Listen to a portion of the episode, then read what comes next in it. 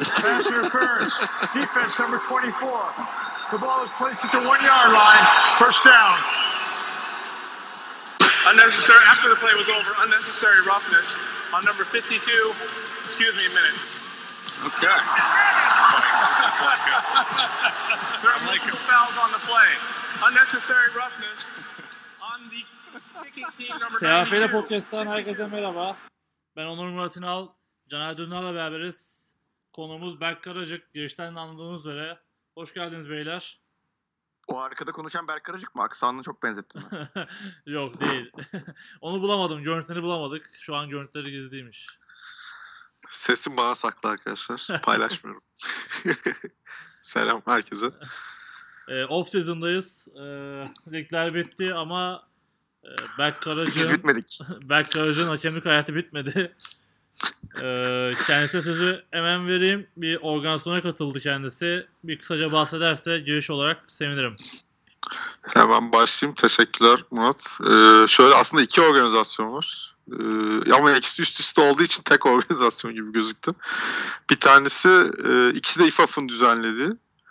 Bir tanesi 19 yaş altı dünya şampiyonası. Diğeri de Avrupa şampiyonası. Ee, dünya şampiyonası Meksika'daydı. Avrupa şampiyonası da Finlandiya'daydı. Bu Avrupa Şampiyonası bir sonraki sene Avustralya'da düzenlenecek olan Dünya Şampiyonası'na gidecek takımları belirlediler. Onun hakkında da ufak bir bilgi veririm. İlk başta e, 19 yaş altı Dünya Şampiyonası ile başlayayım. O Ben daha bir soru önceydi. sorabilir miyim hemen? Tabii. Bu şeyi e, insanlar da merak ediyordur. Ben de merak ediyorum. Sana nasıl ulaşıyorlar ya da sen mi onlara ulaşıyorsun? Nasıl oluyor bu ilk kısım? Ee, şöyle oluyor. Ee, Dünya Şampiyonası için şöyle oldu. Bir tane her sene düzenlenen konferanslar ve klinikler var ee, Avrupa'da. Orada oralara gitmen gerekiyor. Oralarda kendini göstermen gerekiyor. Orada testler oluyor işte konuşmalar oluyor, soru cevap session'lar oluyor birkaç tane. Onlarda ben birazcık kendimi gösterdim. Bir de Türkiye'den kimseyi tanımadıkları için neredeyse. Hani şey dediler. Ha tamam Türkiye'de de Amerikan futbolu varmış. Hatta hakemleri de olabiliyormuş yani gibisinden bir şey oldu. Ondan sonra e, bu dünya şampiyonasındaki seçimler için şöyle oldu. Öncelikle federasyonlar Avrupa İFAF Hakem Komitesi'ne e, hakemlere söylüyorlar. İşte Türkiye'den şu gitmesini istiyorum, şunu gitmesini istiyorum. X, Y, Z bütün ülkeler söylüyor. Oradan sonra oradaki komite onların içinden belli başlı kişileri seçiyor. Şunlar gitmesi bizim için uygundur diyor. Bunları e, İFAF Dünya yani Amerika'daki İFAF'ın başındaki komitenin başındaki adama gidiyor. O komite orada karar veriyor. Diyor ki işte şu şu şu şu kişiler gidecek diye. Meksika'daki turnuvada da 3 tane ekip gidecekti. Yani 8 kere 3 24 kişilik bir kadro, hakem kadrosu olacaktı. Çünkü günde 3 maçtan 3 ayrı gün maç oynandı. 9 maç oynandı ve onun, onun sonucunda da şampiyon belli oldu. Ben de bu üçüncü ekibin içindeydim aslında. Yani ekipler belli olmasa da hani son grup dedim onu biliyordum. Ya böyle ucundan yakaladım gibi diyebilirim yani. Ee, şey içinde Avrupa'daki içinde gene Avrupa'da e, bu sefer her katılımcı takımdan iki tane hakem getirmesi istenildi. Bir de baş hakemler hiçbir takımın üyesi olmasın diye iki tane de Norveç'ten baş hakem geldi. Ve bu şekilde de kadrolar oluştu. 16 hakem gene. Bir tane de supervisor, gözlemci dediği adam vardı e, Avrupa'da. Amerika'da da 24 hakem vardı. Bir tanesi sonra gelemedi. 23 hakem olarak devam ettik. Ee, bu ikisine de hazırlanırken farklı farklı süreçler vardı. İkisini de anlatayım. Ee, Dünya Kupası'na hazırlanırken bir tane forum kuruldu. Bu forum üzerinden haftada bir iki tane soru ve bir tane videoyla böyle hani şurada verilmesi gereken kararlar, doğru kararlar, yanlış kararlar diye eğitimler ve sorular başladı. Buraya katılım %100 olmak zorundaydı. İşte burada aldığınız puana göre atıyorum sizi e, yerinize başka birinde alabiliyorlardı. İlk başta yani 24 kişi değil de atıyorum kaç 30'a yakın bir kişiydik. Sonra yavaş yavaş buradan elediler 24'e düştü. Sonra bir tanesi gelemeyince 23 oldu filan. Ee, bundan sonra da en komik yanı şu oldu. Şimdi Meksika çoğu kişiye uzak. Avustralya'dan, işte Avrupa'dan, Amerika'dan, Japonya'dan bir sürü farklı yerden hakemler geldi. Avustralya'dan gelen hakemler dört günde geldiler. Zar zor ilk maça yetiştiler. Fırtına çıkmış. Avustralya'dan Dallas'a gideceklerdi. Dallas'a gidemiyorlar. Enteresan bir yerde bekliyorlar. Orada fırtınadan dolayı iki gün bekletiyorlar. Sonra bir uçak buluyorlar da şans eseri Meksika'ya geliyorlar. Dönüşlerinde de gene aynı sıkıntı olmuş. Bunları çevirmişler Amerika'da. Demişler işte siz böyle niye buradasınız, niye gidiyorsunuz derken uçağı kaçırmışlar. Ondan sonra iki gün de orada beklemişler. Ondan sonra döndüler falan böyle çok komik olaylar yaşadı Avustralya ekibi.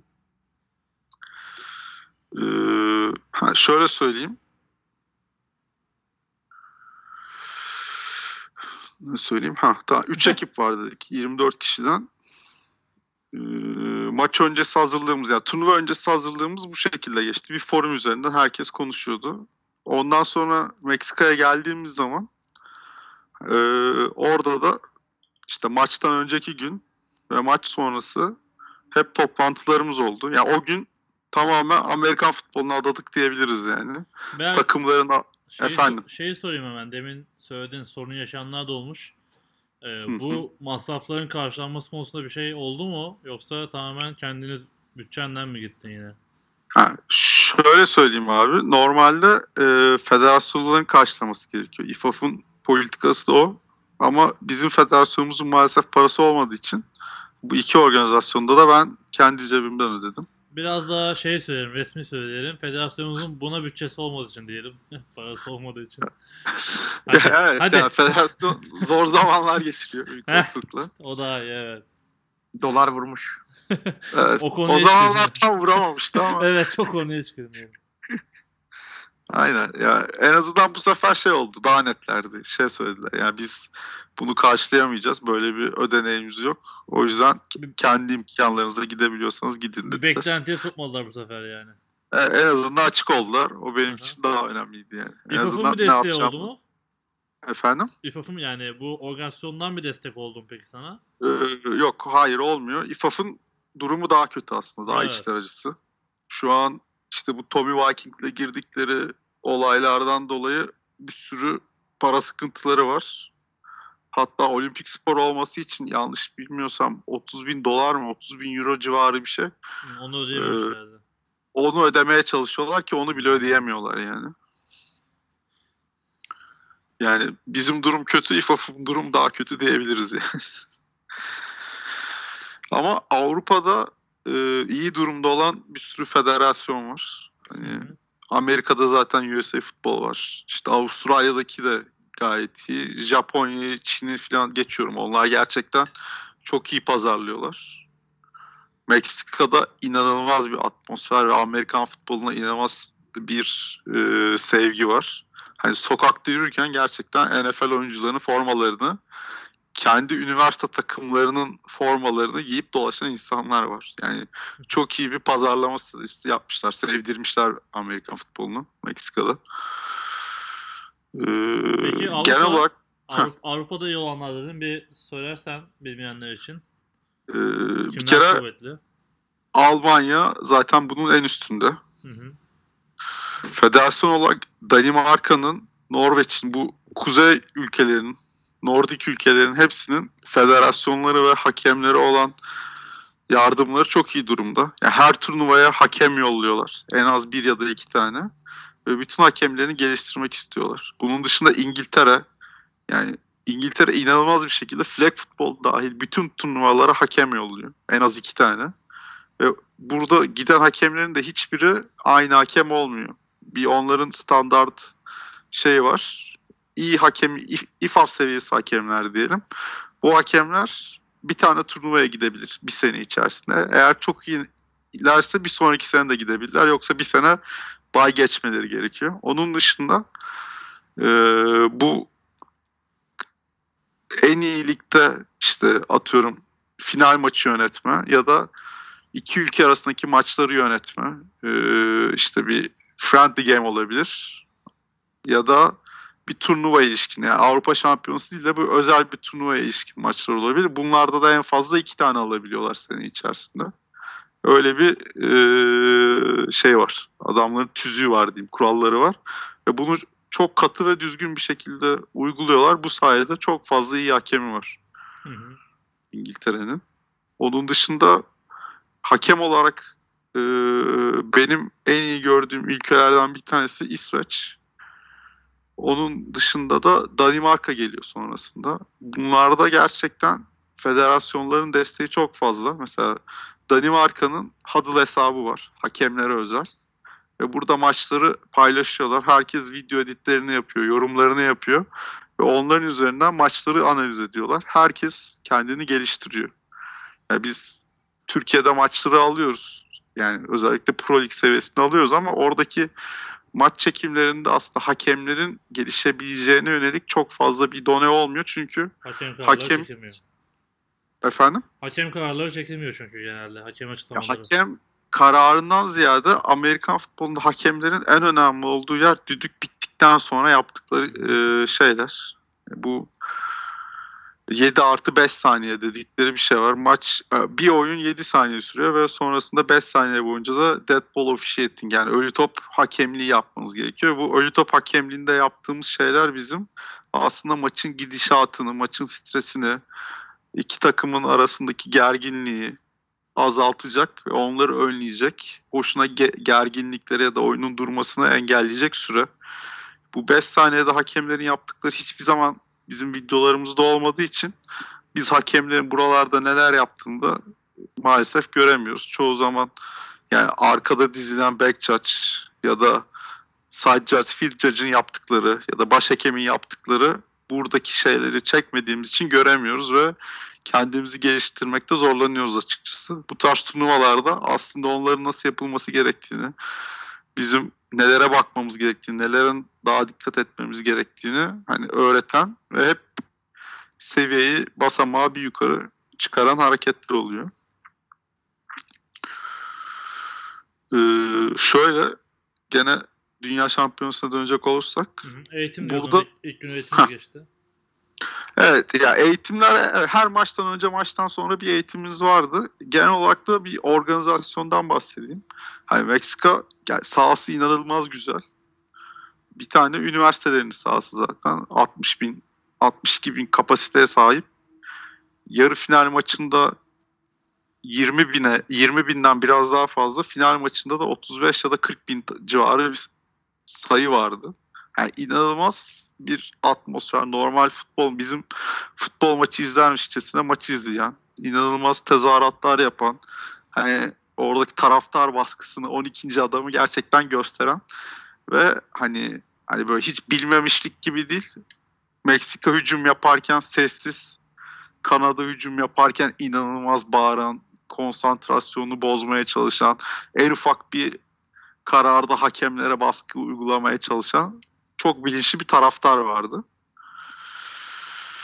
Ee, organizasyona dönecek olursak işte hep her maç gününden sonra teknik toplantılar oluyordu. Orada işte hakemlerin aldığı kararlar, organizasyondaki eksiklikler, yapılması gerekenler her şey konuşuluyor. Ya şöyle diyeyim mesela işte bu Pentlerin dizi kapaması gerektiği, Tight'ların dizi kapaması gerektiği söyleniyordu. Mesela iki oyuncu kapamamış mı? Hemen bunun konusu oluyor. Ya da ambulans geldi ama ambulansa para ödenmesi gerekiyor. Yani çok enteresan bir şekilde ambulansı oyuncu sedyeyle koyuyorlar ve ambulans bana paramı ödemezseniz ben sizi hastaneye götürmem diyor. Böyle saçmalıklar olduğu için hani bunların hepsi konuşulduğu yerler. Ya da şöyle oluyor bir hakem hatası oluyor. O hakem hatalarını konuşmak da gene e, burada oluyor. Diyor ki işte böyle böyle bir karar alındı. Video gösteriyor oradaki head coach. Diyor ki yani bu kararı niye aldınız? Hakemlerden sorumlu kişi de işte biz şu şu şunlara baktık. O yüzden böyle bir karar aldık. Ya da biz hata yaptık. Bunu yapmamız gerekiyordu. Bunu da konuştuk. Diğer maçlarda olmayacaktır gibi. Ee, bir turnuva kuralları ve organizasyonun konuşulduğu teknik toplantılar oluyordu. Bu bunlara ben katılamadım ama hakemlerden oraya katılan hakemin bize anlattıklarından ne kadar faydalı olduğunu ve hani herkesin ortak paydada birleştiğini, bütün koçların nasıl davranması gerektiğini, neye nasıl ceza vereceğini her şey aslında açık çok büyük bir açıklıkla anlatıldı ve eşit bir şekilde e, maçlarda bunun sergilendiği sergilendiğini görmüş olduk. Hmm. Maçlara gelecek olursak maçlarda şöyle oldu. Yani 9 maç oldu dediğim gibi. Yani herkes herkesle oynamadı. 6 tane e, işte 6 takım onu söylemedim. 6 tane takım vardı. Bu 6 takım Amerika, Meksika, Kanada, Avustralya, İsveç ne kaldı? Japonya. Bu altı takımda belli bir sıralamaya, e, önceki turnuvanın sıralamasına göre bir ranking oldu, bir sıralama oldu.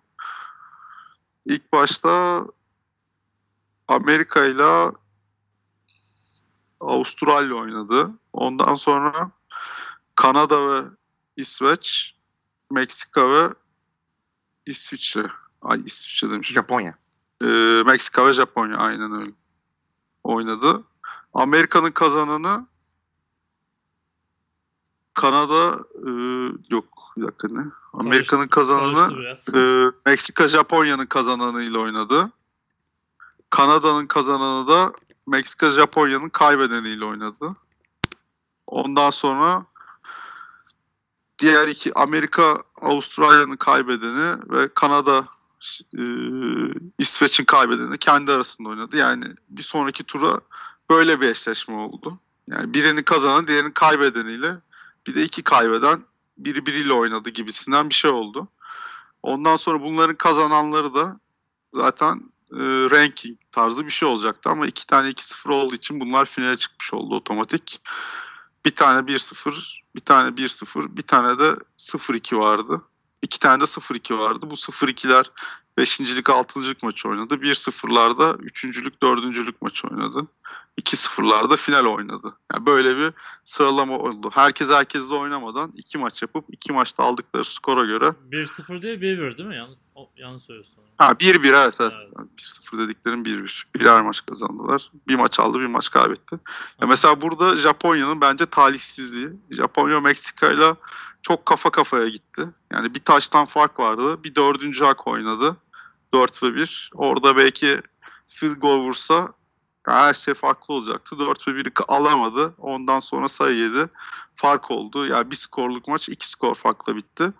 Ondan sonra Kanada ile oynadı Japonya. Japonya neredeyse Kanada'yı yenecekti. Kanada son çeyrekte bir tane taştan buldu. 6 sayı farkla kazandı maçı. İki takımla da yani iki finale çıkmış takımla da kafa kafa oynayan Japonya 5. lig 6. maçı oynamak zorunda kaldı. Amerika Avustralya'yı 30-0 yenmişti ama yani special teamleri ve Amerika bize yani şey görünümünü vermedi. Yani maçları izleyince Meksika ve Kanada'nın ne kadar iyi oynadığını görebiliyorduk ama hani Amerika o bize ilk maçta şeyi vermedi. Birazcık daha rölanti oynuyormuş da tam hazır değilmiş izlenim verdi. İkinci maçta Orada Amerika kim kimlerle katılıyor turnuvaya? Ha, onu şöyle söyleyeyim abi. Amerika NCAA'den burs alamamış liseli çocuklarla katılıyor. Yani şöyle Cevap- Division gereken 3 cevabı aldık. evet, Division 3 bile değil abi. JUCO JUCO'ya bile burs alamamış çocukları getirmişler ki onlar bile şöyle diyeyim sana abi Türkiye'de birinci olur yani. O kadar iyiler. Çok bir kıssas olmadı ama bence. Ama Avrupa'da kafa kafaya oynarlar. Ha. Almanları yenemezler belki ama Ha. yani Avrupa'da ilk ona girerler. Ya Türkiye'de şampiyon olurlar demek de zaten Avrupa'da ilk ona girerler demek. Rankinglere baktığımızda Koçram son ikinci abi. Ya öyle de işte o ranking biraz karışık ya işte. Yani Almanya, Avusturya yani farklı ligler var ya şu an. O da bir tartışma konusu aslında yani. Ya, bir de şimdi liglerdeki oyuncu şeyine de bakmak lazım. O yüzden yani Almanya liginde Alman var evet ama yani çoğu yabancı oyuncu. Avrupa'dan topladığı iyi oyuncular yani Avusturya'dan aldıkları, Finlandiya'dan aldıkları, işte Sırbistan'dan 3-5 tane aldıkları bir sürü ülkelerden topluyorlar sonuçta. Para olduğu için orada oynamak istiyor insanlar. Bir de lig iyi, kaliteli bir lig olduğu için orada oynamak istiyorlar. Kendini göstermek için. Ee, tekrar dönecek olursak ya burada yani Japonya'nın ilk iki maçı mükemmel maçlardı gerçekten. Kanada, Japonya, Meksika, Japonya. Onun dışında da Meksika, Amerika e, bu iki takım arasında inanılmaz bir çekişme var. Geçen sene Çin'de üniversiteler arası Amerikan futbol gene şampiyonasında Meksika ile Amerika ka- karşı karşıya geldi. Burada Meksika bir pankartla çıkıyor. Diyor ki işte e, bu Trump'ın duvar muhabbetleri var ya Aha. onunla ilişkin bir tane pankartla çıkıyor. Çin'de de böyle bir pankart açmak falan otomatik hapis. Üniversitedekiler görüyor işte biz yani bizimle alakalı olmasa bile biz böyle bir şeye karşıyız. Böyle bir şey yapamazsınız burası için ne yapıyorsunuz falan diye. Pankartı sonra indiriyorlar. O yüzden yani bu iki takım arasında inanılmaz bir çekişme var. Hani oyuncuların belki hiçbir suçu yok Amerikalı ama Trump'tan dolayı yani herkes gergin. Kimse yani Meksikalı hiçbir Amerikalıların yüzüne bakmıyor ve inanılmaz böyle rencide etmek istiyorlar. Yani üstlerinden geçmek istiyorlar. Yani şu an biz de Amerika oynasak aynı duruma mı düşeriz? doları, doları yükselttiniz. Full biriz. Aynen öyle ki full blitz yapıyorlar. Bayağı da iyi vuruyorlardı. Sert çocuklardı. Defansları çok iyiydi. Ee, şöyle bir şey oldu. Yani Meksika'nın kicker'ı orta sahadan field goal vuruyordu abi. İnanılmaz yani. Herif yani an- antrenmanlarda geliyor pat pat pat vuruyor. Rencini hesaplıyor falan diye sandık abi herif. Yani 20'den başladı 50'ye kadar geldi. 50'den vurdu. Biz artık böyleyiz. Yok artık bunu da bu kadar rahat vurmamış olması gerekiyor. O çocuk yani çok iyi yerlere gelmeyi hak ediyor bence. Canım şu an Türkiye'de de var gerçi elden vuran ya. Abi ama yani o herif çok net vuruyor ya. Yani Türkiye'deki de vuruyor evet ama yani o herifin tekniği, mekniği, topun gidişi Anladım. ve rahatlığı Temiz yani. inanılmaz bir şey. Değil mi? evet. Temiz diyebiliriz yani. Çok temiz.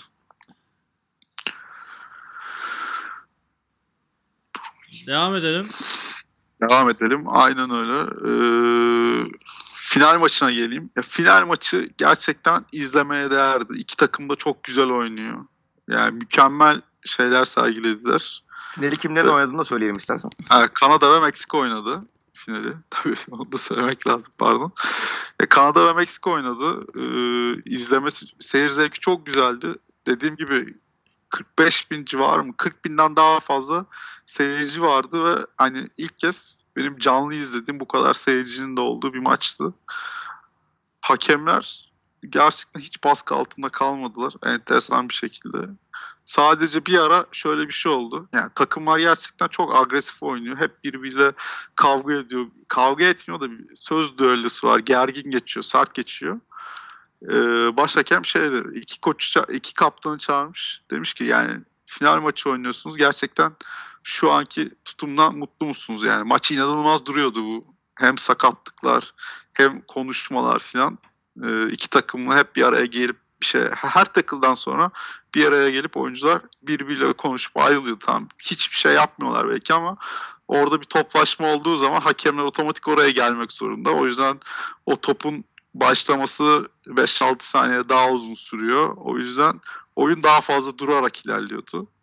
Başhakem böyle deyince biz çok memnunuz diyor. Arkadaşlar bir takımdan bir iki oyuncu, diğer takımdan bir oyuncu atıldı. Ve birbirinizle hep böyle gereksiz yere bir gerginlik yaşıyorsunuz. Final maçına hiç yakışmıyor bence düzeltin tarzında bir şey söylüyor. Ya tam bu kelimeleri kullanmasa da buna benzer şeyler kullanıyor. Ve o andan itibaren takımlar inanılmaz farklı bir şekilde oynamaya başladı. Gerçekten çok daha düzgün oynamaya başladılar.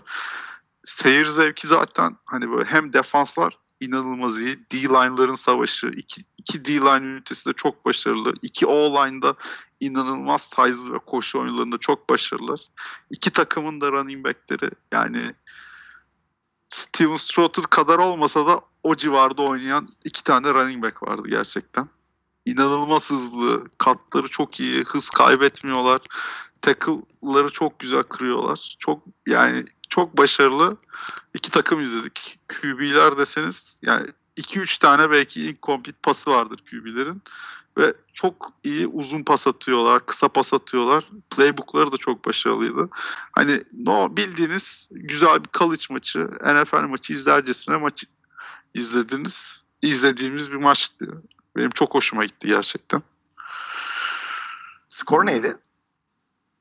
Bir taştan farklı bitti yanlış hatırlamıyorsam. Ee, söyleyeceğim bulursam. Hatırlamıyorum. Da bir taştandı. Bir de şeyi soracağım ben. Şimdi bu U19 şampiyonası olduğu için 19 yaşından küçük yani çocuklarla çocuklar diyeyim şimdi. 13 yedi miydi final? Maçını yönetmekle normal maç yönetmek arasında yani nasıl farklar var? Çok değişiyor mu şeyler? Abi şöyle söyleyeyim. Yani oradaki çocuk ya Amerika'da yani şey Amerika'da da yönetmiyorsanız bu tarz organizasyonlarında oyuncular zaten size çok az konuşuyor. Genelde koçlar konuşuyor. Koçlardan da sadece head coach kale alıyor insanlar. Asistan koç konuşabilir. Onlara çok bir şey yapmak zorunda değilsin. Sadece head coach'un dedikleri. Oyun içinde de hani oyuncular bir şey sorduğunda tabii ki de yardımcı oluyoruz. Söylüyordu işte şöyle oldu böyle oldu ama sana kuralı soran yok. Bir şey soran yok. İşini yapmaya gelen oyuncular var. Yani o açıdan mükemmeldi. Yani kimse hiç kimse hiç kimseye bir şey sormuyor. Hakem yanlış karar verse de tamam deyip gidiyorlar. Yani mesela hani İsveç ale- aleyhine bir iki tane yanlış karar çıktı. Adamlar umursamadan gitti. Mesela birinde hakkı yanlış. Bir yerine üç yapmışız. Adamlar hiç oralı bile olmadı. Devam etti yani. İtiraz bile etmediler yani. Aynı, Final Ama maçı- zaten bir A- sanki genel tarzı o gibi yani. aynı Caner yani değil mi Berk? Aynen aynen. Aynı canı. Hiç ağzı var dili yok. Ama mesela şeyde oldu aynısı. Meksika Japonya maçında oldu. Birden 3'e geçti gene final maçı. Ee, yukarıda bu buraya özel instant replay vardı bizde. Tam instant replay değil ama mesela targeting gibi olayları ya da bu tarz hakem hatalarını düzeltecek bir ekip vardı. Bu ekipte ee, bir tane Meksikalı bir tane Avustralyalıydı final maçı için. Meksikalı adam ikinci hak olduğunu söyledi. Üçüncü hak yerine. Yani o Meksikalı hakem bile orada görevini yapıyor. Orada hani 3 dese 3 oynayacaklardı. Çünkü sağ içindeki bütün hakemler 3 demişti. Böyle bir- var gibi bir sistem mi vardı yani? Yani var gibi bir sistem var bildiğimiz. Instant replay var yani. Ona bakmış, yapmışlar. Şöyle bu replay sayesinde iki tane targeting e, hakemlerin görüp e, tam emin olmadı. Yani targeting olmadığını düşünüp atmadı iki tane flag ve bir tane attı ve gerçekten targeting olduğunu e, verdiği üç tane oyunu. Yani biri targeting cezası atıldı ve targeting çıktı. Diğer ikisinde ceza atılmadı. Instant replay ile iki tane targeting cezası verilip oyuncular diskalifiye edildi. Ya o açıdan çok da faydalı oldu. Yani doğru targeting cezaları e, e, video sayesinde görülüp oyuncular atıldı. Buna da yurt dışında inanılmaz önem veriliyor targeting'e. Ya bir oyuncunun targeting'den dolayı atılması abi işte kaskının işte üstüyle vurdu ama çok temas yoktu bilmem ne yoktu. Bunu niye atıyorsunuz bu kadar ağır değil mi? Diyorlar ki evet siz böyle diyorsunuz ama diğer oyuncunun spor kariyeri bitti diyorlar. Genelde diğer çocuk hiç oynamıyor. Onun için yazık değil mi? Tarzında bir Hmm. sporcu sağlığını ilişkilendiren bir e, antitezle, argümanla çıkıyorlar. Bu gerçekten bence haklı oldukları bir şey. Sporcu sağlığı için bu tarz müdahalelerin, gereksiz sertliklerin, e, Amerikan futbolunun çok içinde olmayan hareketlerin olmaması gerekiyor. Sporcu sağlığı her zaman önemli. O yüzden kaskla bir temas yapacaksak kaskımızı aşağı doğru indirmeyelim. Vurduğumuz yeri görelim. Hem bizim boynumuz hem de diğer temas yaptığımız kişinin sağlığı için çok önemli. Bunu bir, bir kere daha söyleyelim. Ya bu arada bu ben geçen e, preseason maçları izliyordum da orada denk geldim. Sürekli bir yeni kuraldan bahsettiler. Bu şeyle ilgili. Özellikle böyle cornerback receiver arasındaki bu işte Evet. ilgili. Ben gerçi Evet. tam o kuralın ne olduğunu- araştırmadım ama sen biliyorsan Abi şöyle aslında kuralı bilen yok. Birkaç tane video gösterdiler. Ben onları izledim. O yani NFL için konuşuyoruz. NCAA'de hiçbir değişiklik yok. Yani NCAA'deki çalınmayacak ama burada e, NFL'de çalınacak bir sürü olay var. Ya orada kaskını eğip bir oyuncuya temas yapıyorsan targeting tarzı bir şey diyorlar. Ama atmıyorlar sanırım oyuncuyu. Atıyorlar. Attılar. Ben geçen preseason maçında şöyle gördüm. evet, ben de Ee, atmadılar. ikinciyi, ikinci yapılırsa atılacak diye bir şey. Mesela ilk defa NFL'de böyle bir şey gördüm. Evet first warning verdiler değil mi? Aynen. Ee, ya onu unnecessary roughness gibi, un- unsportsmanlike conduct gibi yapıyorlar. Direkt atıldığı da olabiliyor. İşte bir uyarı verip ondan sonra bir daha yaparsa ikincide de attıkları olabiliyor. Ya bayağı bir defans oyuncusu da bununla ilgili yazıyor. Hani bırakın futbol oynayalım falan yazmaya başladı millet. Bayağı bir isyan var onunla ilgili de. Ya haklılar yani. Kafasını indirdiğin an kafanla vurmasan bile ceza diyorlar şu an yani. Hakemlerin işi de zor. Ya şey Gerçekten. oyuncu ş- hani e, en son hatta şey bu Rams'te oynayan bir tane oyuncu paylaşmıştı. Hani çok temiz, eski tabirle çok temiz bir tackle. Adam topu al- aldığı anda hani shoulder pad'le hani kas biraz dokunuyor evet ama indiriyor ve ceza alıyor. Hani defans oyuncuları nasıl oynayacak? Cidden çok ciddi tartışmalar var bu konuda da. Hani topu, Ya işte- adam top havada yakaladığı anda dokunabileceğin çok limited oldu şu anda yani. Yok diyebiliriz yani. evet. Flag hani- futbola dönüyor. Ay- Evet, ay- sen- ayakkabı, ayakkabılarından tutup aşağı çekeceksin herhalde. Başka bir şey kalmadı. Büyük olsun işte. Flag olmadığı için ayakkabı. Flag olsaydı flag'ini çekerdik. Frek daha Abi sert şey- ya. Kesinlikle yani. Bir de şey var catch kuralı da birazcık değişti işte. Top elinde oynasa da catch demeler falan yani. Hem NCAA'de hem NFL'de.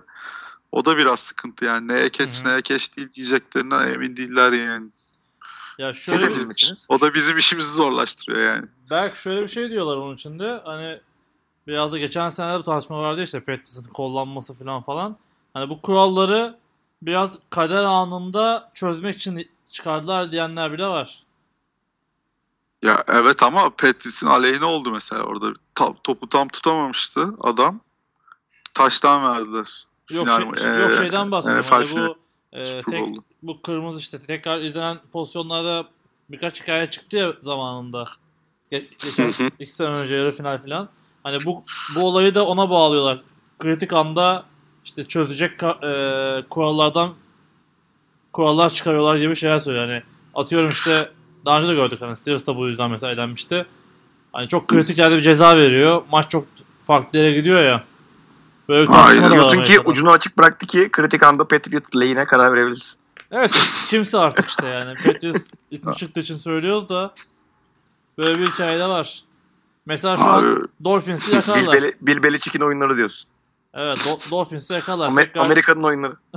aynen, aynen. Abi şöyle bir şey oluyor bir de. Hani eee, bu ben NCAA şeyine üyeyim abi hakemlerine. Orada videolar paylaşıyorlar. İşte bir önceki seneden birkaç tane video paylaşmışlar. Bir tanesi de bizim şans eseri kliniklerde falan konuştuğumuz bir konu. Orada defans oyuncusu iki kişi havadayken ilk baş ikisi de topa değerken defans oyuncusu sağ dışına basıyor. Ofans oyuncusu da topa hakim olduğu bir şekilde sağ içine basıyor. Ama defans oyuncusu sağ dışına bastığı için ve ilk basan olduğu için top dışarıda olup hani incomplete olması gerekiyor pasın. Bu son Sugar Bowl'da mı ne oluyor NCAA? Ee, Alabama şey maçında oluyor son maçta. Clemson. Aynen.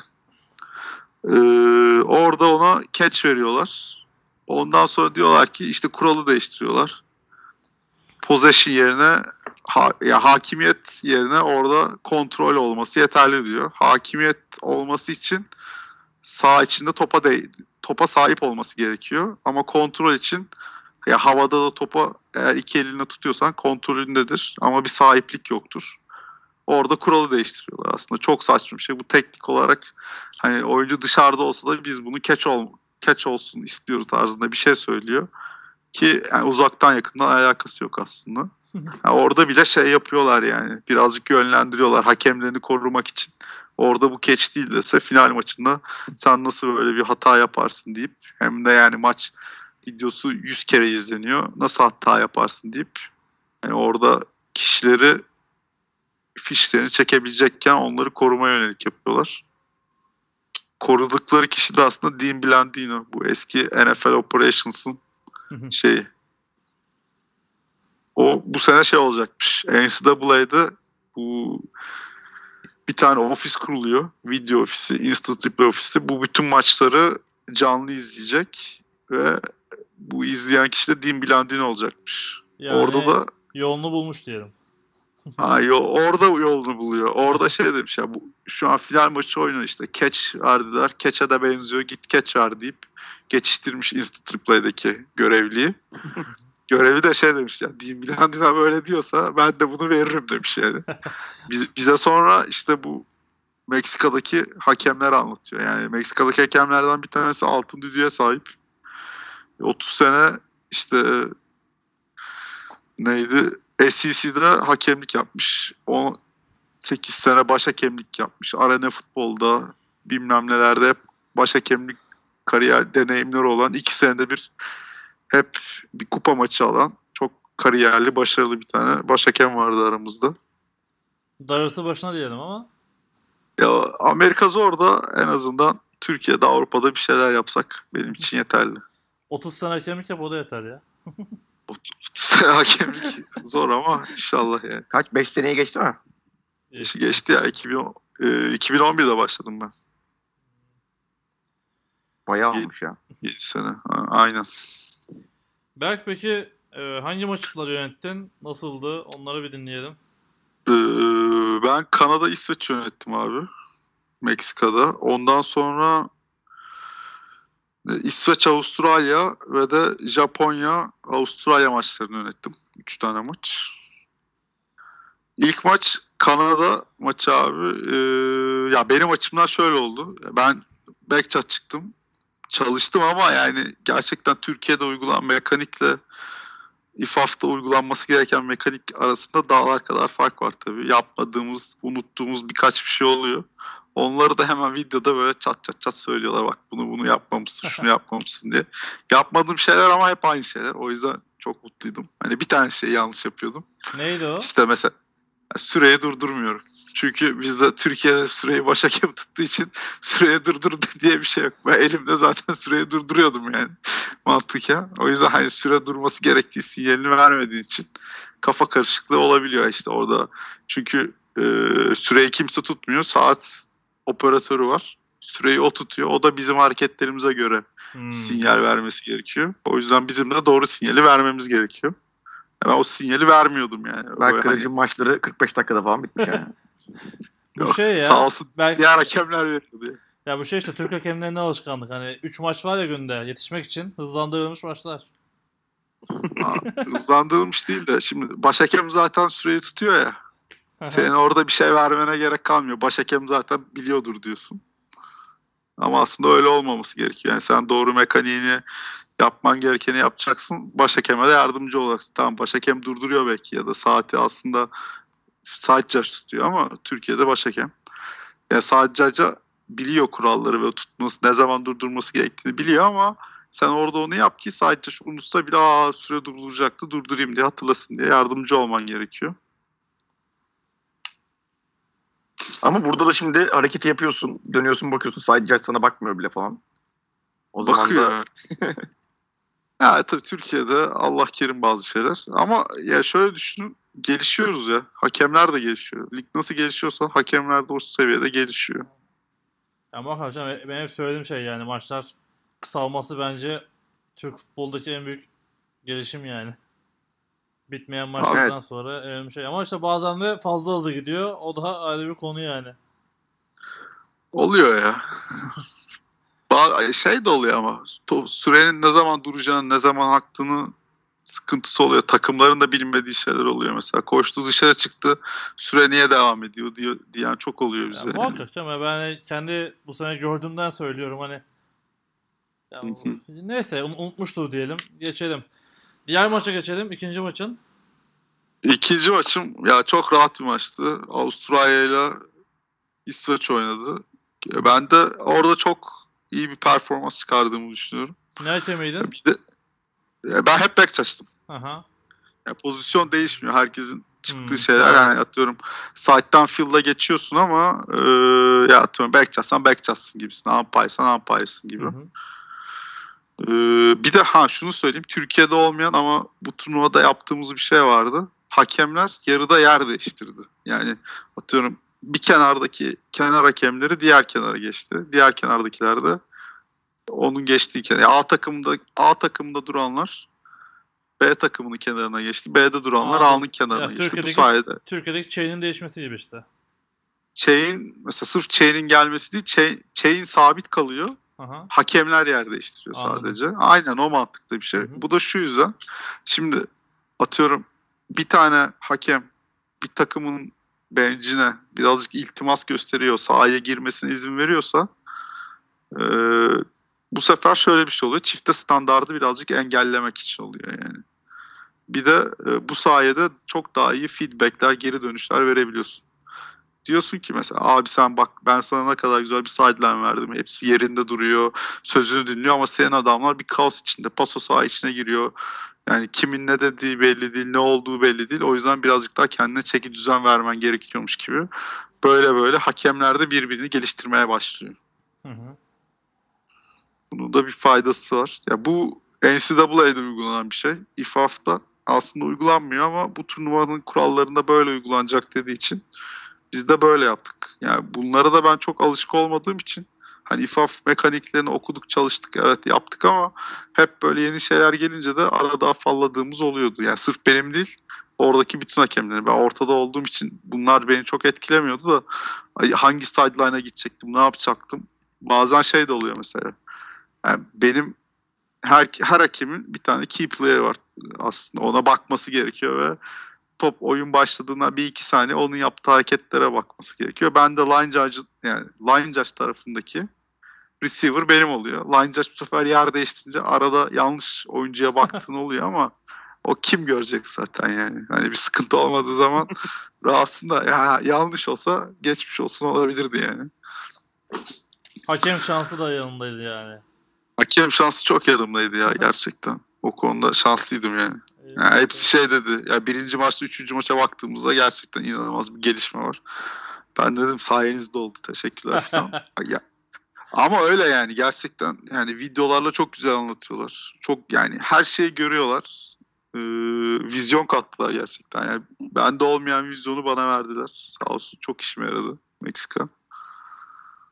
Ondan sonra Avrupa Şampiyonası'da da hani bir maça çıktım. Beşincilik, altılıcılık maçı orada. Hani e, sabit takımlar olduğu için 16 hakem. Bir tek son gün 3 maç oldu. Beşincilik, altıncılık maçı, birincilik ve de üçüncülük maçı. Organizasyonun başından beri orada mıydın bu arada? İkisinde de başından beri oradaydım. Bir ya, Meksika'daki 12 gün sürdü. Ee, Avrupa'daki, Finlandiya'daki de yanlış bilmiyorsam 9 gün sürdü. Cumartesi geldik, pazar gittik. Ee, 9-10 gün, 8-9 gün sürdü. Şimdi şey bize daha yakın olduğu için bu Avrupa Şampiyonası hani ulaşabileceğimiz bir hedef de olarak da gördüğümüz için biraz daha insanlar daha çok merak ediyor olabilir yani oradaki organizasyonu. Evet, ya onu o yüzden onu sona bırakayım dedim. Bir de sıralı kronolojik sırayla. Ya şöyle söyleyeyim. Türkiye milli takımı kurulsa Avrupa Şampiyonası'nda bence 5. olurdu. İngiltere'yi yenerdi yani. Bunu, mesajı verdim diyorsun burada. bunu o- net bir şekilde söylüyorum yani evet. Ya burada farkı şöyle söyleyeyim.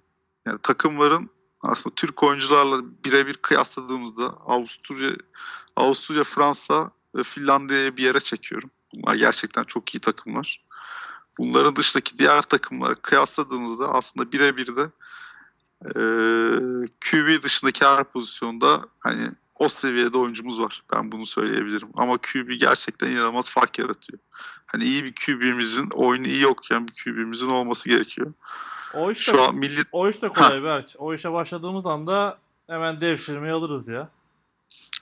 ya devşirmek devşirebiliyor muyuz ama? İFAF biraz daha katı olabilir bu konularda. Ya Halle, Ki- hallederler ya. Bir bağ bulurlar evet. Biliyorsun o işler bu basketbol zamanından neler neler yapıldı yani. Ya abi zaten şöyle diyeyim Fransa'nın yarısı da şeyli Kanadalı. Ya İşte bak.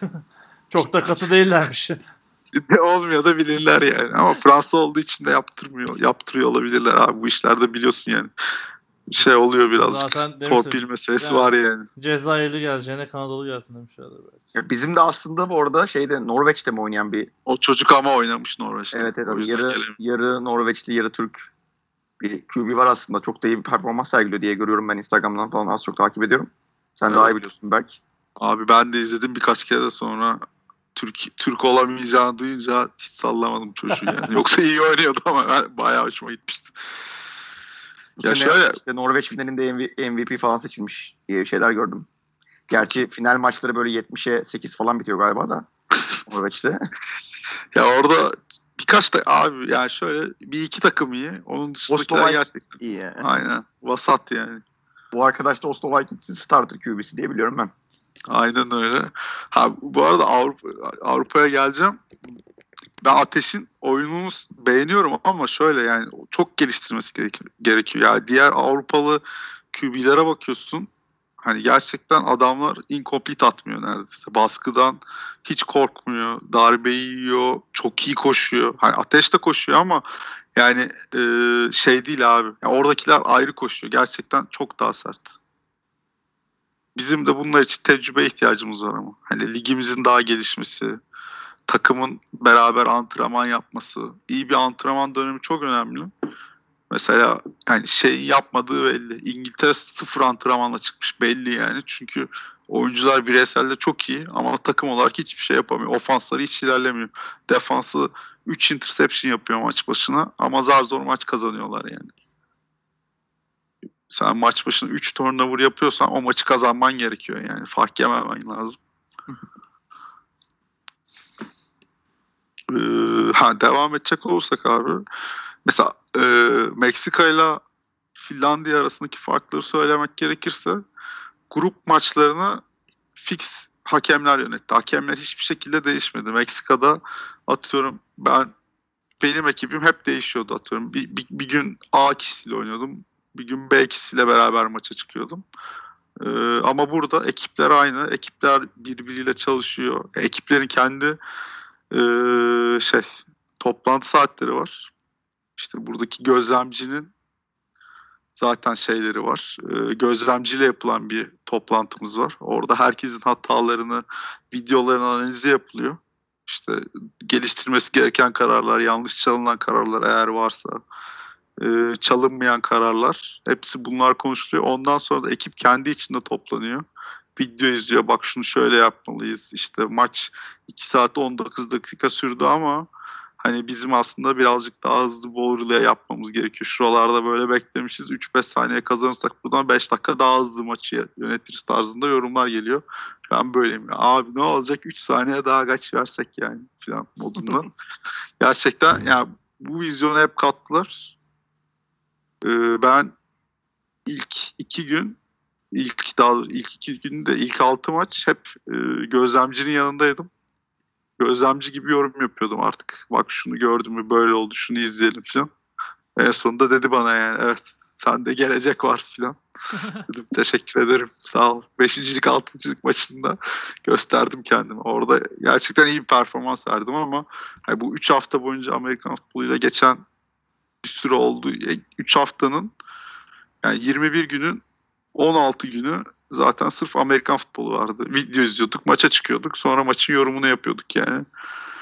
O yüzden ister istemez şey oluyorsun, adapte oluyorsun, o tempoya geliyorsun. Yani bu kadar çok maç yönetince üst üste çok hızlı gelişiyorsun. Sadece bunu devam ettirmek lazım.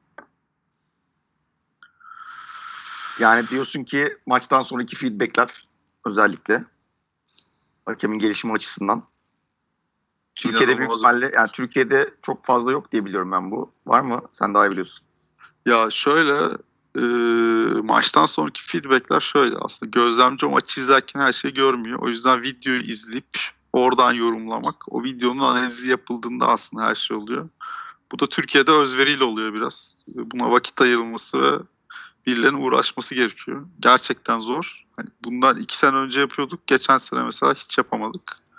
2-3 pozisyonu sadece kendi aramızda yaptık. Yani böyle bir video eğitimi gibi tarzı bir şey yapmadık bütün hakemlere. Onun eksikliği de aslında fark ediliyor. Onlar olsa hakemler çok daha hızlı gelişecek. İki sene önce ne kadar hızlı geliştiysek bu sene mesela birazcık daha durağan kalmamızın nedeni bu. Biz sezon içi bu tarz kararları topluca anlasak işte doğru mekanik, yanlış mekanik, yanlış karar vermişiz, böyle vermemiz gerekiyor gibi anlatsak birazcık daha hızlı gelişeceğimizi düşünüyorum ben. Çünkü yani Avrupa ile aradaki farkı kapadık yani. Kapadık derken çok fazla vardı. Yakalanabilir seviyelere geldik yani. 3-4 sene içerisinde Avrupa düzeyi kadar o kadar iyi olmasa da standardın üstünde bir seviyede yönetebiliriz yani. Sırbistan'dan falan çok daha iyi bir şekilde yönete- yönetebiliriz maçlarımızı yani. Şu an Sırbistan'dan birazcık daha kötüyüz bence. Genele baktığımızda. Zaten hani sen de oradaki o takımlarla oynanan maçları gördün. Ben de maça çıktım işte Sırbistan'da, Slovenya'da falan çıktığım maçlar var. Mesela Slovenya'daki çıktığım maç tamamen bir maç katli. yaşadık Portekiz, yani. Slovenya falan rezalet hakemleri ben sana söyleyeyim yani. Hiç yok zaten. Yani evet hani belki biz şey falan diye düşünüyorduk. Hani biz sonuçta deplasman takımıyız. Acaba bizi şey mi yapmaya çalışıyorlar ama bir yerden sonra çok bilgisi olmadı bilgisi de olmadığını görüyorsun yani. Abi yani e, Türkiye'de daha zor şartlarda hakemlik yapanlar var ya. Ben bunları da gördüm. yani anlattılar şöyle oluyor böyle oluyor. Hani zor şartları olan var. Hani bizimki en zorlarından bir tanesi bu arada anlatılanlar arasında ama hani daha kötü şartlarda da hakemlik yapanlar var. Ee, ya o yüzden hani onların eğitilmesi şeyi falan hiç yardımcı olmayan federasyonlar var yani. Sen al şu parayı yap deyip gidenler var. Öyle olunca da hakem sayısı inanılmaz azalıyor. Yani birazcık hani federasyonların e, takımların destek olması gerekiyor. Ta- takımlar para desteği değil, düzgün video desteği. Ne bileyim farklı farklı şeyler. Düzgün sta- stat yapsın. Stadında tuvaleti olsun, sıcak suyu olsun. Yeter yani. Sıcak suyu olmayan, soyunma odası olmayan statlar var. Bizim Finlandiya'da çıktığımız sağ FIFA bir kokartlı sağ yani. FIFA maçı, UEFA maçı düzenlenecek sahaya çıkıyoruz yani. Ya da Meksika'daki sahayı söylememizin anlamı yok yani. yani işte mükemmel yani. Belki şeyi sorayım. Peki şey he, sen sor önce. Ee, en çok herhalde şey sorusunu so- duymuşsundur. How is football in Turkey? Hani ne cevap verdin buna? Bunu, bunu merak ediyorum aslında. Abi genelde şöyle sordular. Ya işte kaç lig var, sezonunuz ne zaman, ne oluyor? Bir şey biliyorlar abi. Enteresan bir şekilde Koç Rams'la Boğaziçi Saltanat'ı duymuşlar bir yerden. Nereden duyduklarına karşı hiçbir fikrim yok. Ama duymuşlar yani. Podcast'ten ben biliyorum. Aynen aynen. NFL Bizi, TR bizi podcast. dinliyorlar. Aynen. Final maçlarını biliyorlar ya. Final maçlarını izliyorlar. Final maçlarında benden istiyorlar zaten. Biz finalinizi izlemek istiyoruz. İşte hakemlerinize bakmak istiyoruz. Bilmem ne bilmem ne. O konularda şey yani adamlar gerçekten ilgili. Öğreniyorlar. İşte sizin sıkıntılarınız neler? Takımlarınız neler? Ligde işte kaç yabancı oluyor? Ne yapıyor? Nasıl gidiyor filan? Ne zorluklar yaşıyorsun? Bunları konuşuyoruz ya. Orada hakem dayanışmasını görüyorsun. Abi bizde şöyle şöyle şeyler oluyor. Böyle oluyor. Şu sıkıntılarımız var. Ha, biz bunu böyle açtık. Şunu yapıyoruz falan yani.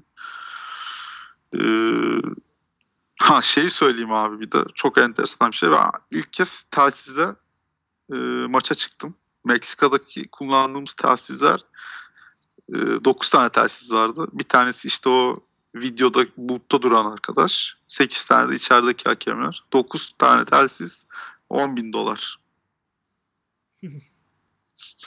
Hemen çarp geriyle. 8 olur ya. Dur o kadar hemen. Şey, çarpana kadar 8 olur. belki fiş almasak ne kadar olur?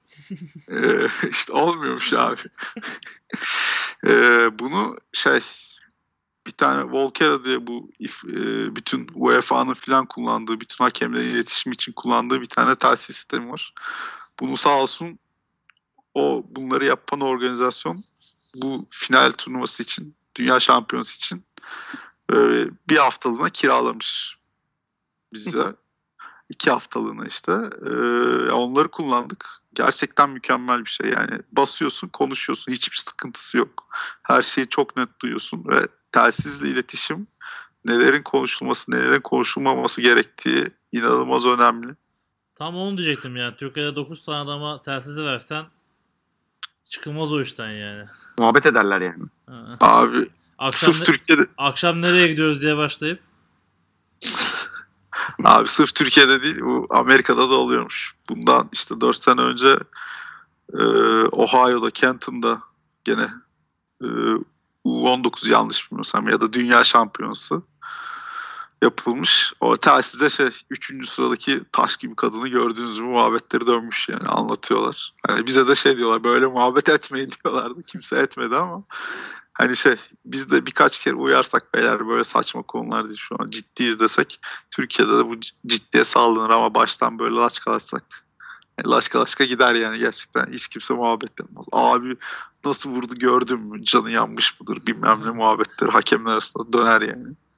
Onları mani olmak için baştan birazcık sa- eee ipleri elimize alırsak ama hiç bu tarz sıkıntılar yaşamayız yani. Türk Tamamen hakemleri çok başhakemin insan- tavrına bakıyor aslında yani.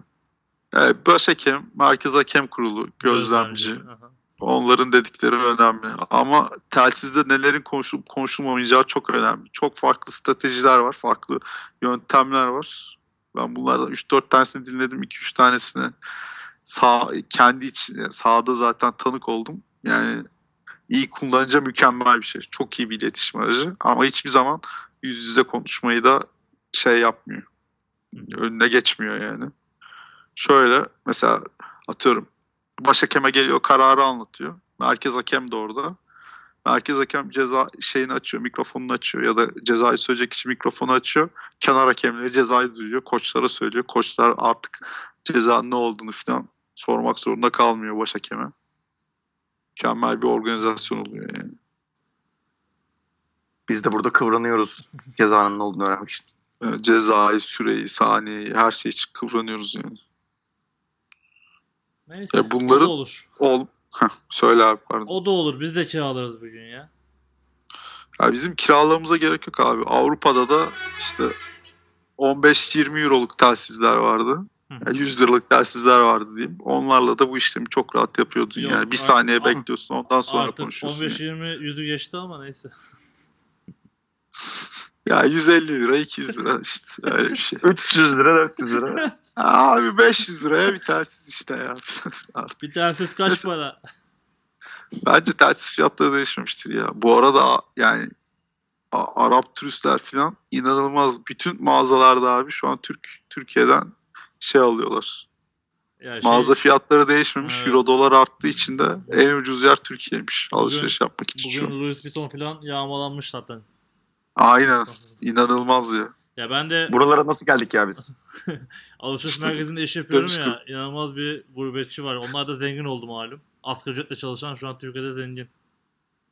Abi yani re- restoranda haftalık 200 euro kazanıyormuş adam ya. İşte bir 10 saat çalışmaya falan yani. Hafta sonu çalışıyorsun 200 euro alıyorsun falan Evet. yani.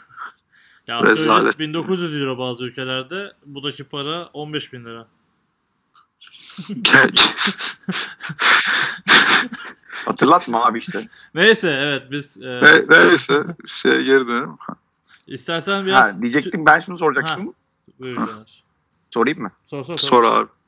Bu şeye gittiğinizde ben şeyi merak ediyorum hani e, kimler favori görülüyordu? Büyük ihtimalle Avusturya mı şeyin favorisi görülüyordu? İşte Fransa'nın kazanması sürpriz oldu mu ya da şans veriyorlar mıydı falan. Abi şöyle söyleyeyim ben. Ya ben izlediğimde finalleri ikisinde de bildim. Hatta kazananları da bildim. Ben Kanada'yı izleyince gerçekten Kanada bu maçı alır dedim. Ya bu fide- bu turnuvayı kazanır dedim. Hem oyuncuların size'ları, oyuncu sayıları ve gerçekten yedeklerinin kaliteleri Kanada'yı Meksika'dan bir tık öteye koyuyordu. Çünkü O-line'ı ve D-line'ı inanılmaz iyiydi yedekleriyle beraber. Ya O-line pasta adam geçirmiyor, koşuda 3 yard veriyordu. Yani e, Kanada'nın o olayını inanılmazdı. O olayla kazanamama şansı yoktu yani.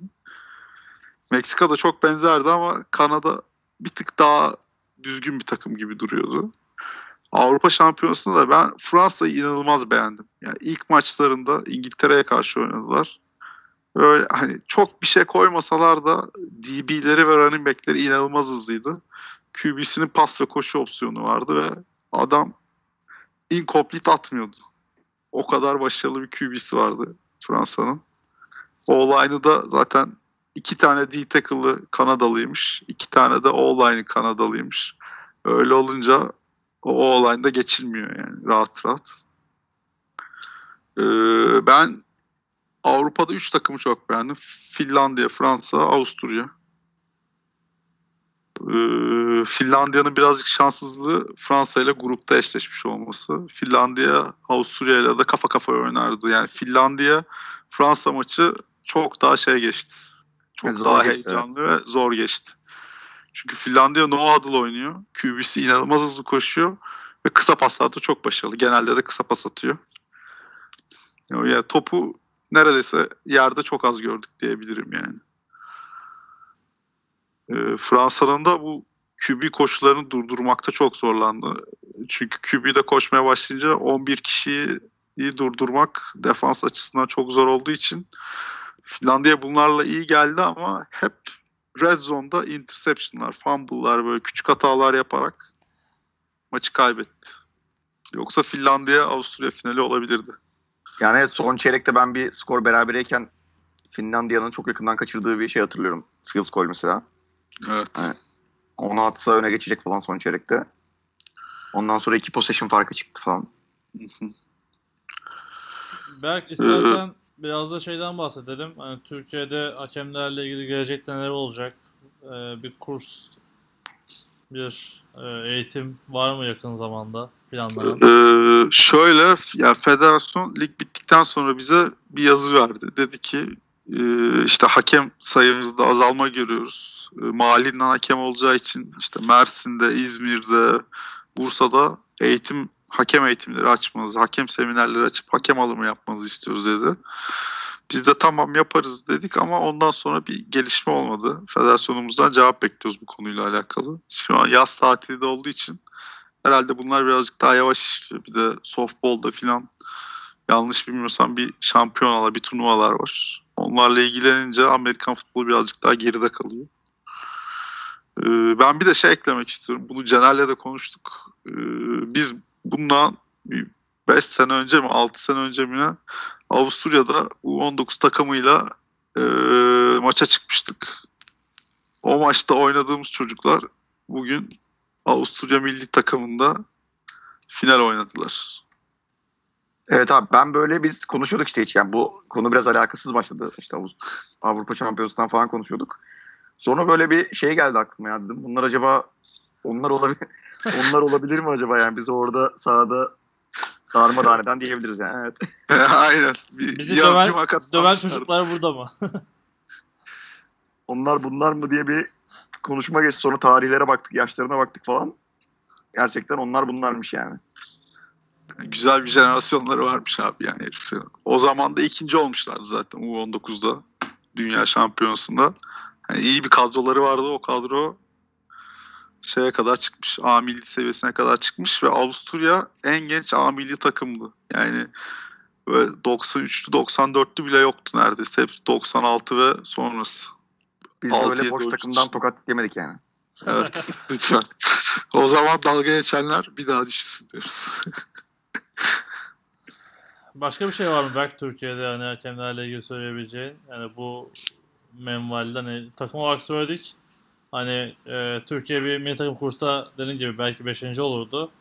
Peki senin haricinde bir hakem buralarda görebilecek miyiz? Ya ya görebilecek potansiyel de var abi. Türkiye'de ya 3-4 tane çok başarılı hakem var. Ama e, maalesef maddi açıdan bu imkanları karşılayabilecek tek hakem bendim. Gerçekten büyük masraflar bunlar bu arada. Tabii Meksika yani. Yani Bu saatten sonra Berk de karşılayamayacak büyük ihtimalle. yok e, ha şeyi söyleyeyim. E, Kurlardan sonra. 2019 Ekim'de Avustralya'da Dünya Şampiyonası var. Ona kesin gideceğim abi. Arabayla mı? Se- seyirci olarak da seyirci olsam da giderim yani. Yo uçakla giderim ya. Evet. Döviz kurları beni o kadar etkilemiyor. Yani. Evet Berk şeklini koydu Caner sen düşün. Bu arada bu Avustralya'daki şampiyonu deyince aklıma geldi. Ee, Evet. Avustralya'da oynayan bir arkadaşımız var bizim ve Avustralya milli takımına davet edildi bu 2019'daki şampiyona için ama pasaport sorunlarından dolayı Yalan mı oldu? Batuhan mı? evet Ha. aynen. Hmm. Valla pasaport iptal Bugün etti. daha dün, daha dün konuştuk hatta bunu böyle zaten şey böyle eyalet kaptanlığı falan yapıyor şu an orada. Hani defensive MVP falan seçildi geçen sene ligin. Birkaç senedir seçiliyor galiba. Evet evet. Yani hani en etkili defans oyuncusu olarak gösteriliyor şu an. D-end bir tane şey bir pozisyonda koyuyor. Linebacker veya ne bileyim D-back'leri bir D-end olarak defensive MVP seçilmesi de Evet. da ne kadar başarılı olduğunu gösteriyor yani. Öyle de bir teklif almış ama maalesef Olmamış mı? aynen. Bir evlenmesi falan, evlenmesi falan gerekiyormuş galiba öyle şeyler. Bulsun ya verelim onu ya. Yaşı gelmedi mi? Bu konuyu konuşmayalım istersen ben burada hep üçümüz de. Gerçi Can- Caner yakın ama. Ya benim de arkadaşım abi. Aa. Arkadaşım var. Bu e, Daha 20, kibar söyletmez herhalde. 21 günden sonra hala var mı? Bak o adamı Hala sormadık. Meksika'nın gece hayatı nasıldı diye. Var var. Abi neler söylüyorsun? Gidilip görülmesi gereken yerler. Özellikle Meksika. Finlandiya'yı hiç tavsiye etmesem. Hiçbir şey yok. Köydeydik de. Meksika güzel abi. Bence gidin görün yani. Zaten Meksika'da olduğunu böyle ben sosyal medyadan falan bayağı görüyordum hani fotoğraflar fotoğraflar. Finlandiya'da olduğunu bayağı sonrasında gördüm. Yani duydum yani. bir, tane, Haber geç geldi. bir tane resim koydum abi ya. Bir telefon bozuldu bir ara. Çekemedim. Resimler gitti de. Onun dışında çekecek hiçbir şey yoktu ya. Üç tane resim çektim ya. Berk var mı Türkiye hakemler üzerinden söyleyeceğim başka bir şey? Türkiye ya, takımlar birazcık hakem desteği yaparsa bu sporu bilen kişiler gönül vermiş bir sebepten dolayı bırakmış ama tekrar bir yerlerinden tutunmak isteyen kişiler varsa hakemlik için kapımız açık gerçekten. Çünkü ihtiyacımız var hakeme. Peki hemen soruyu sorayım o zaman. Bu sene azalma yaşandı deniyor işte. Bunun nedenini neye bağlıyorsun? Ya bunun bir sürü nedeni olabilir. Ya azalma yaşanması sorun değil. Bu azalmayı nasıl önleyip daha çok hakem bulmamız gerektiği yani bir çözüm bulmak önemli. Hı hı. Yani sorunlar illaki vardır. Bir sürü sorun söyler herkes. Ama sorundan ziyade bunu bir şekilde çözüyor olmamız lazım. Bunun içinde işte herkese iş düşüyor. Yani takımların birazcık daha yani dünyada böyle çünkü hakemlerde azalma oluyor. Niye? İşte oyuncuların velileri bile artık hakemlere küfür eder, bilmem ne eder olmuş Amerika'da, Avustralya'da, çeşitli yerlerde. O yüzden hani birazcık daha bu işi herkesin severek özveriyle yaptığını, evet hakemler para kazanıyor bu işten ama inanılmaz bir de özveri veriyorlar. Yani bu sporu aslında o sahada oynayan 11-22 kişinin yapması için yardımcı olmaya çalışıyor. Tamamen iyi niyetle, hiçbir art niyet olmadan. Ya bunu birazcık daha bilinçli, farkında olup ona göre hareket etse bütün herkes birazcık daha rahat ve olur. Hakemler bu sayede daha az azalmalar görürüz bence. Biz bu arada buradan bir şey yapmıştık. Ee, hakemlerin bu şeyleriyle ilgili, ücretleriyle ilgili bir sıkıntı yaşanıyordu sezon ortasında falan. Biz de buradan bir federasyona seslenmiştik. Hani işte hakemlerin parası alama, paralarını alamadığına dair. Onunla ilgili bir gelişme oldu mu, düzeldi mi, nedir? Oldu geçen cuma bütün paralar yattı. Anladım. Geç de olsa diyorsun. Evet evet. Enflasyon zammı almadan yani şöyle diyeyim. Faiz farkı. Aynen Mart'taki maç Cuma günü yattı. Öyle düşünebilirsiniz yani. Beş Sezonun ay. Aynen. İyi yönden bakalım ya. Ya tabii Olabilir. yatmıyor da bilirdi. Evet yani. ya. Daha önce yaşandı çünkü bunlar. Evet. Ee, Gelişiyoruz. Abi yani İsterseniz konuyu farklı bir yere götürelim. Ee, geçen hafta İTÜ'nün ev sahipliğinde bir frek turnuvası gerçekleşti. Erkeklerde sadece 5'e 5. Ee, Caner'in oyun takım şampiyon oldu. Tebrik ediyoruz. Caner sözü sana bakayım. Nasıldı? Ya bayağı aslında böyle keyifli bir organizasyondu. Biz de şeye şeye gitmiştik aslında hani böyle işte gidelim keyif alalım. İki top atalım. Hani çok da çok da kendimizi de aşırı şey yapmayalım hani işte sakatlık olmasın bir şey olmasın ama eğlenelim diye gitmiştik. İşte 3 tane grup çekildi. 13 takım katıldı bu arada. Şöyle bir güzelliği vardı. Yani mesela ben ilk yaptığımız maçta 13-14 yaşında gerçekten e, hani gencecik böyle pırıl pırıl 5-6 tane çocuğun olduğu çocuk arkadaşımızın olduğu bir takımla oynadık. Hani denk geldi diyelim. Ondan sonraki maçta da bir sonraki rakibimizin yaş ortalaması da büyük ihtimalle hani 50 falandı yani. Turnuvanın en genç en, en yaşlı takımı bize O denk gelmişti. Genç takım maç. hangi okul mu? Abi e, yani şu an sallamış olacağım biraz ama ben sanki Koç Rams'in böyle şey takımı hani U19 takımı gibi gördüm. Çünkü hani Koç Rams'teki insanlarla sohbet ediyorlardı çocuklar. 13 o yüzden biraz oraya yordum. 13 14 Koç'un yok. U19 takımı var mı ki? Yeni başladılar Yani da. oradan 4-5 tane çocuk olabilir belki. Yani tam emin olmamakla beraber Hı hı. edilen muhabbetlerden sanki onlar gibi algıladım ben. Ee, işte dediğim gibi ikinci maçı da bu şey Jesus. G- Jesus diye bir ekip var aslında. Bunlar benim bildiğim kadarıyla böyle her hafta sonu işte Robert College'da böyle toplanıp kendi arasında işte 5'e 5 flag futbol oynayan hani böyle işte Amerika'da yaşamış zamanında falan ama sonra Türkiye'ye geri dönmüş insanlardan oluşan böyle güzel hani gerçekten tatlı bir ekip. Hani oraya da şey kattılar zaten hani eğlence kattılar bayağı. Ondan sonra üçüncü maçımızda hani biraz daha bize şey yaş olarak şey diyeyim hani böyle Burak Şahinvan'ın QB'liğini yaptığı Bilgi Üniversitesi'nden oluşan bir takımla oynadık grupta. Ee, dördüncü maçta da şeyle İTÜ'nün veteranlarıyla oynadık. Yine onların da yaş ortalaması büyük ihtimalle 35-40 civarı falandı işte böyle hani milli takım koçları falan o tarz şeyler vardı. Ee, namalup çıktık gruptan zaten. Grup, bu arada grup aşamaları aslında bayağı dengeliydi. Diğer gruplarda namalup takım yoktu. Biz sadece tek namalup takım grup aşamaları bittiğinde bizdik. Ee, sonra şey yani takım adı da bayağı yaratıcı bir İslam'ın şartları diye bir takım vardı. 5 kişi değillerdi gerçi 9 kişi falanlardı ama ee, onlarla çeyrek finalde oynadık. İşte onların aslında en şey maçımız bizi aslında onlar böyle turnuvaya dahil etti diyebiliriz. Yani biz biraz daha işin eğlencesindeydik. O maç böyle çekişmeli geçince biz de biraz daha şey yapmaya başladık. Hani hırslı oynamaya başladık falan. Ee, ondan sonra yarı final maçında Hacettepe'nin Hacettepe'den gelen arkadaşlarım bir de toptan bir oyuncunun olduğu bir işte takımla eşleştik. O maç hani nispeten çeyrek finale göre daha rahat geçti. Diğer tarafta da bu işte Erkin Palazların işte e, ve onların işte İTÜ'de oyuncu ve eskiden QB'lik yapmış bir tayfanın takımıyla ODTÜ ODTÜ'de şu an hala hazırda oynayan bir ekibin yarı final mücadelesi vardı. Orayı da ODTÜ ekibi kazandı. İşte finalde de ODTÜ Falcons'a Saltons mücadelesi gibi bir şey oldu. Bu seneki bir ODTÜ Evet, Saltons bir maç daha beşinci oynandı? mücadelesi yani. Yani bildiğin dört tane müce- var- maç vardı. iki tane Pro Lig'de, iki tane Ün Lig'de olmak üzere.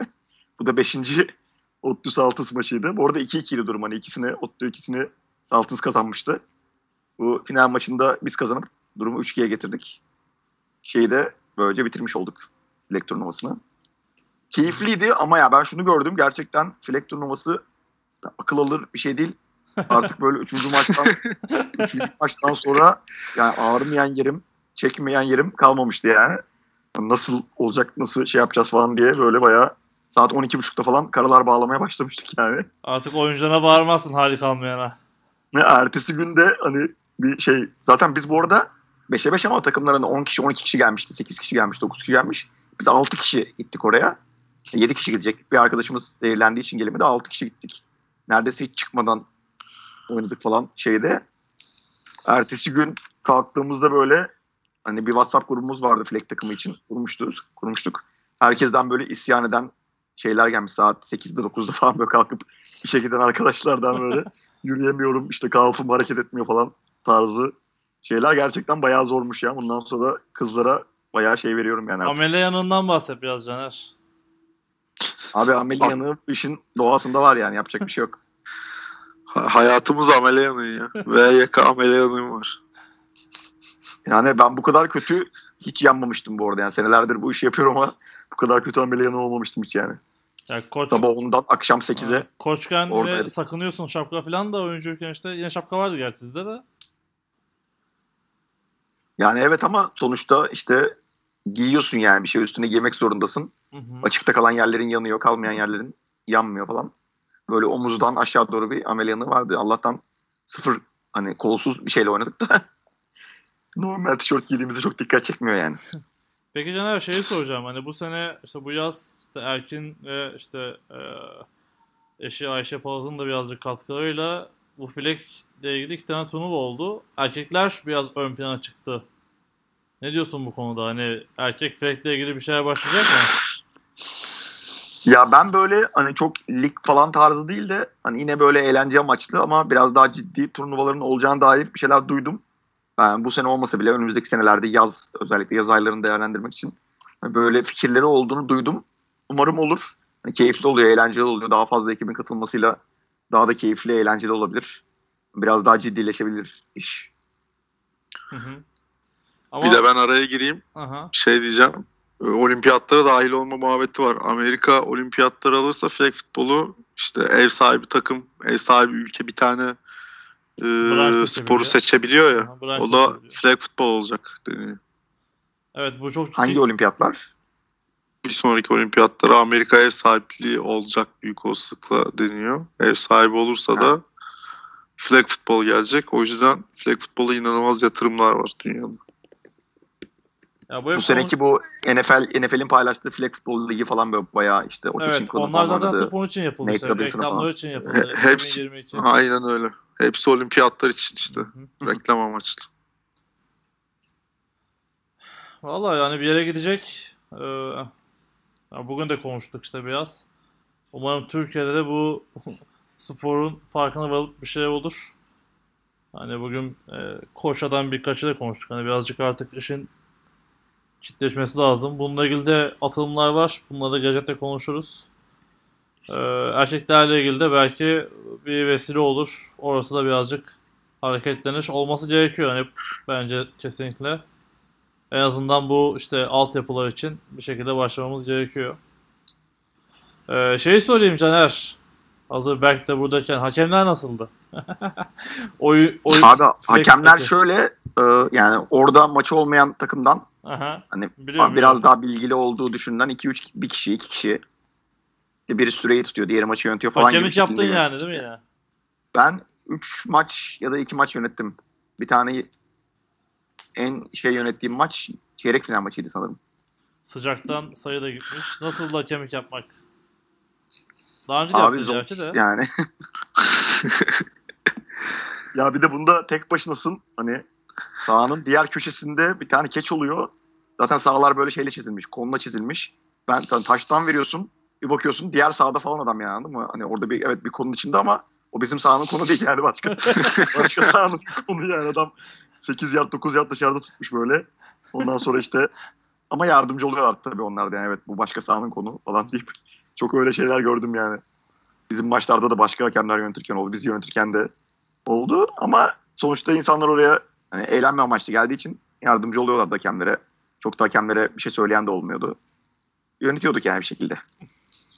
Ama iş ciddileşirse hakem işinde ciddileşmesi lazım tabii. Böyle yönetilmez bu işler. Biz hala kendi filmimize hakem yetiştiremiyoruz ama neyse Berk burada Allah'tan. Si- Sizin play'iniz daha zor abi. 5 ve 5'e 5'in kuralları falan var. İFAF tarafından verilen uygulayabileceğim de sizin kurallar ya Allah kerim yani neyin nasıl uygulanacağı çok zor. ya. Orada bir süre sonra şey oluyor. insani boyutlarda cezalar çalınıyor sadece. Neyse. Ee, var mı eklemek istediğiniz bir şey? Fre- bu Frek'le ilgili, Caner senin İT- İTÜ'yle ilgili. Ya ben hani organizatörlere teşekkür ediyorum. Bir uğraş var, emek var. Hani yazın bence yazı değerlendirmek için iyi bir şey ama biraz daha soğuk havalar tercih edilirse böyle yağmur falan yazın şey havaları biraz daha fazla katılım olur yani. Bunu da buradan şey yapayım. Öneri olarak sunayım. Yani öyle diyorsun da işte sonra Ekim'de maç maç yapmaya kalkıyorsun. Hatırlıyorsan bir kıyamet kopuyor yani. O da tersten hani şu ana kadar hani güzel havada olan bir turnuva ben daha hatırlamıyorum. Hani ya sıcak Yani ya evet, soğuk. Öyle bir sıkıntı var. Zamanı tutturamıyoruz abi flek olayının. İşte bu Omega Bowl e, fikstürüne denk getirmemeye çalışıyoruz da işte bütün olay o. Başka bir şey değil. Zaten bu iş gelişirse nasıl olacak?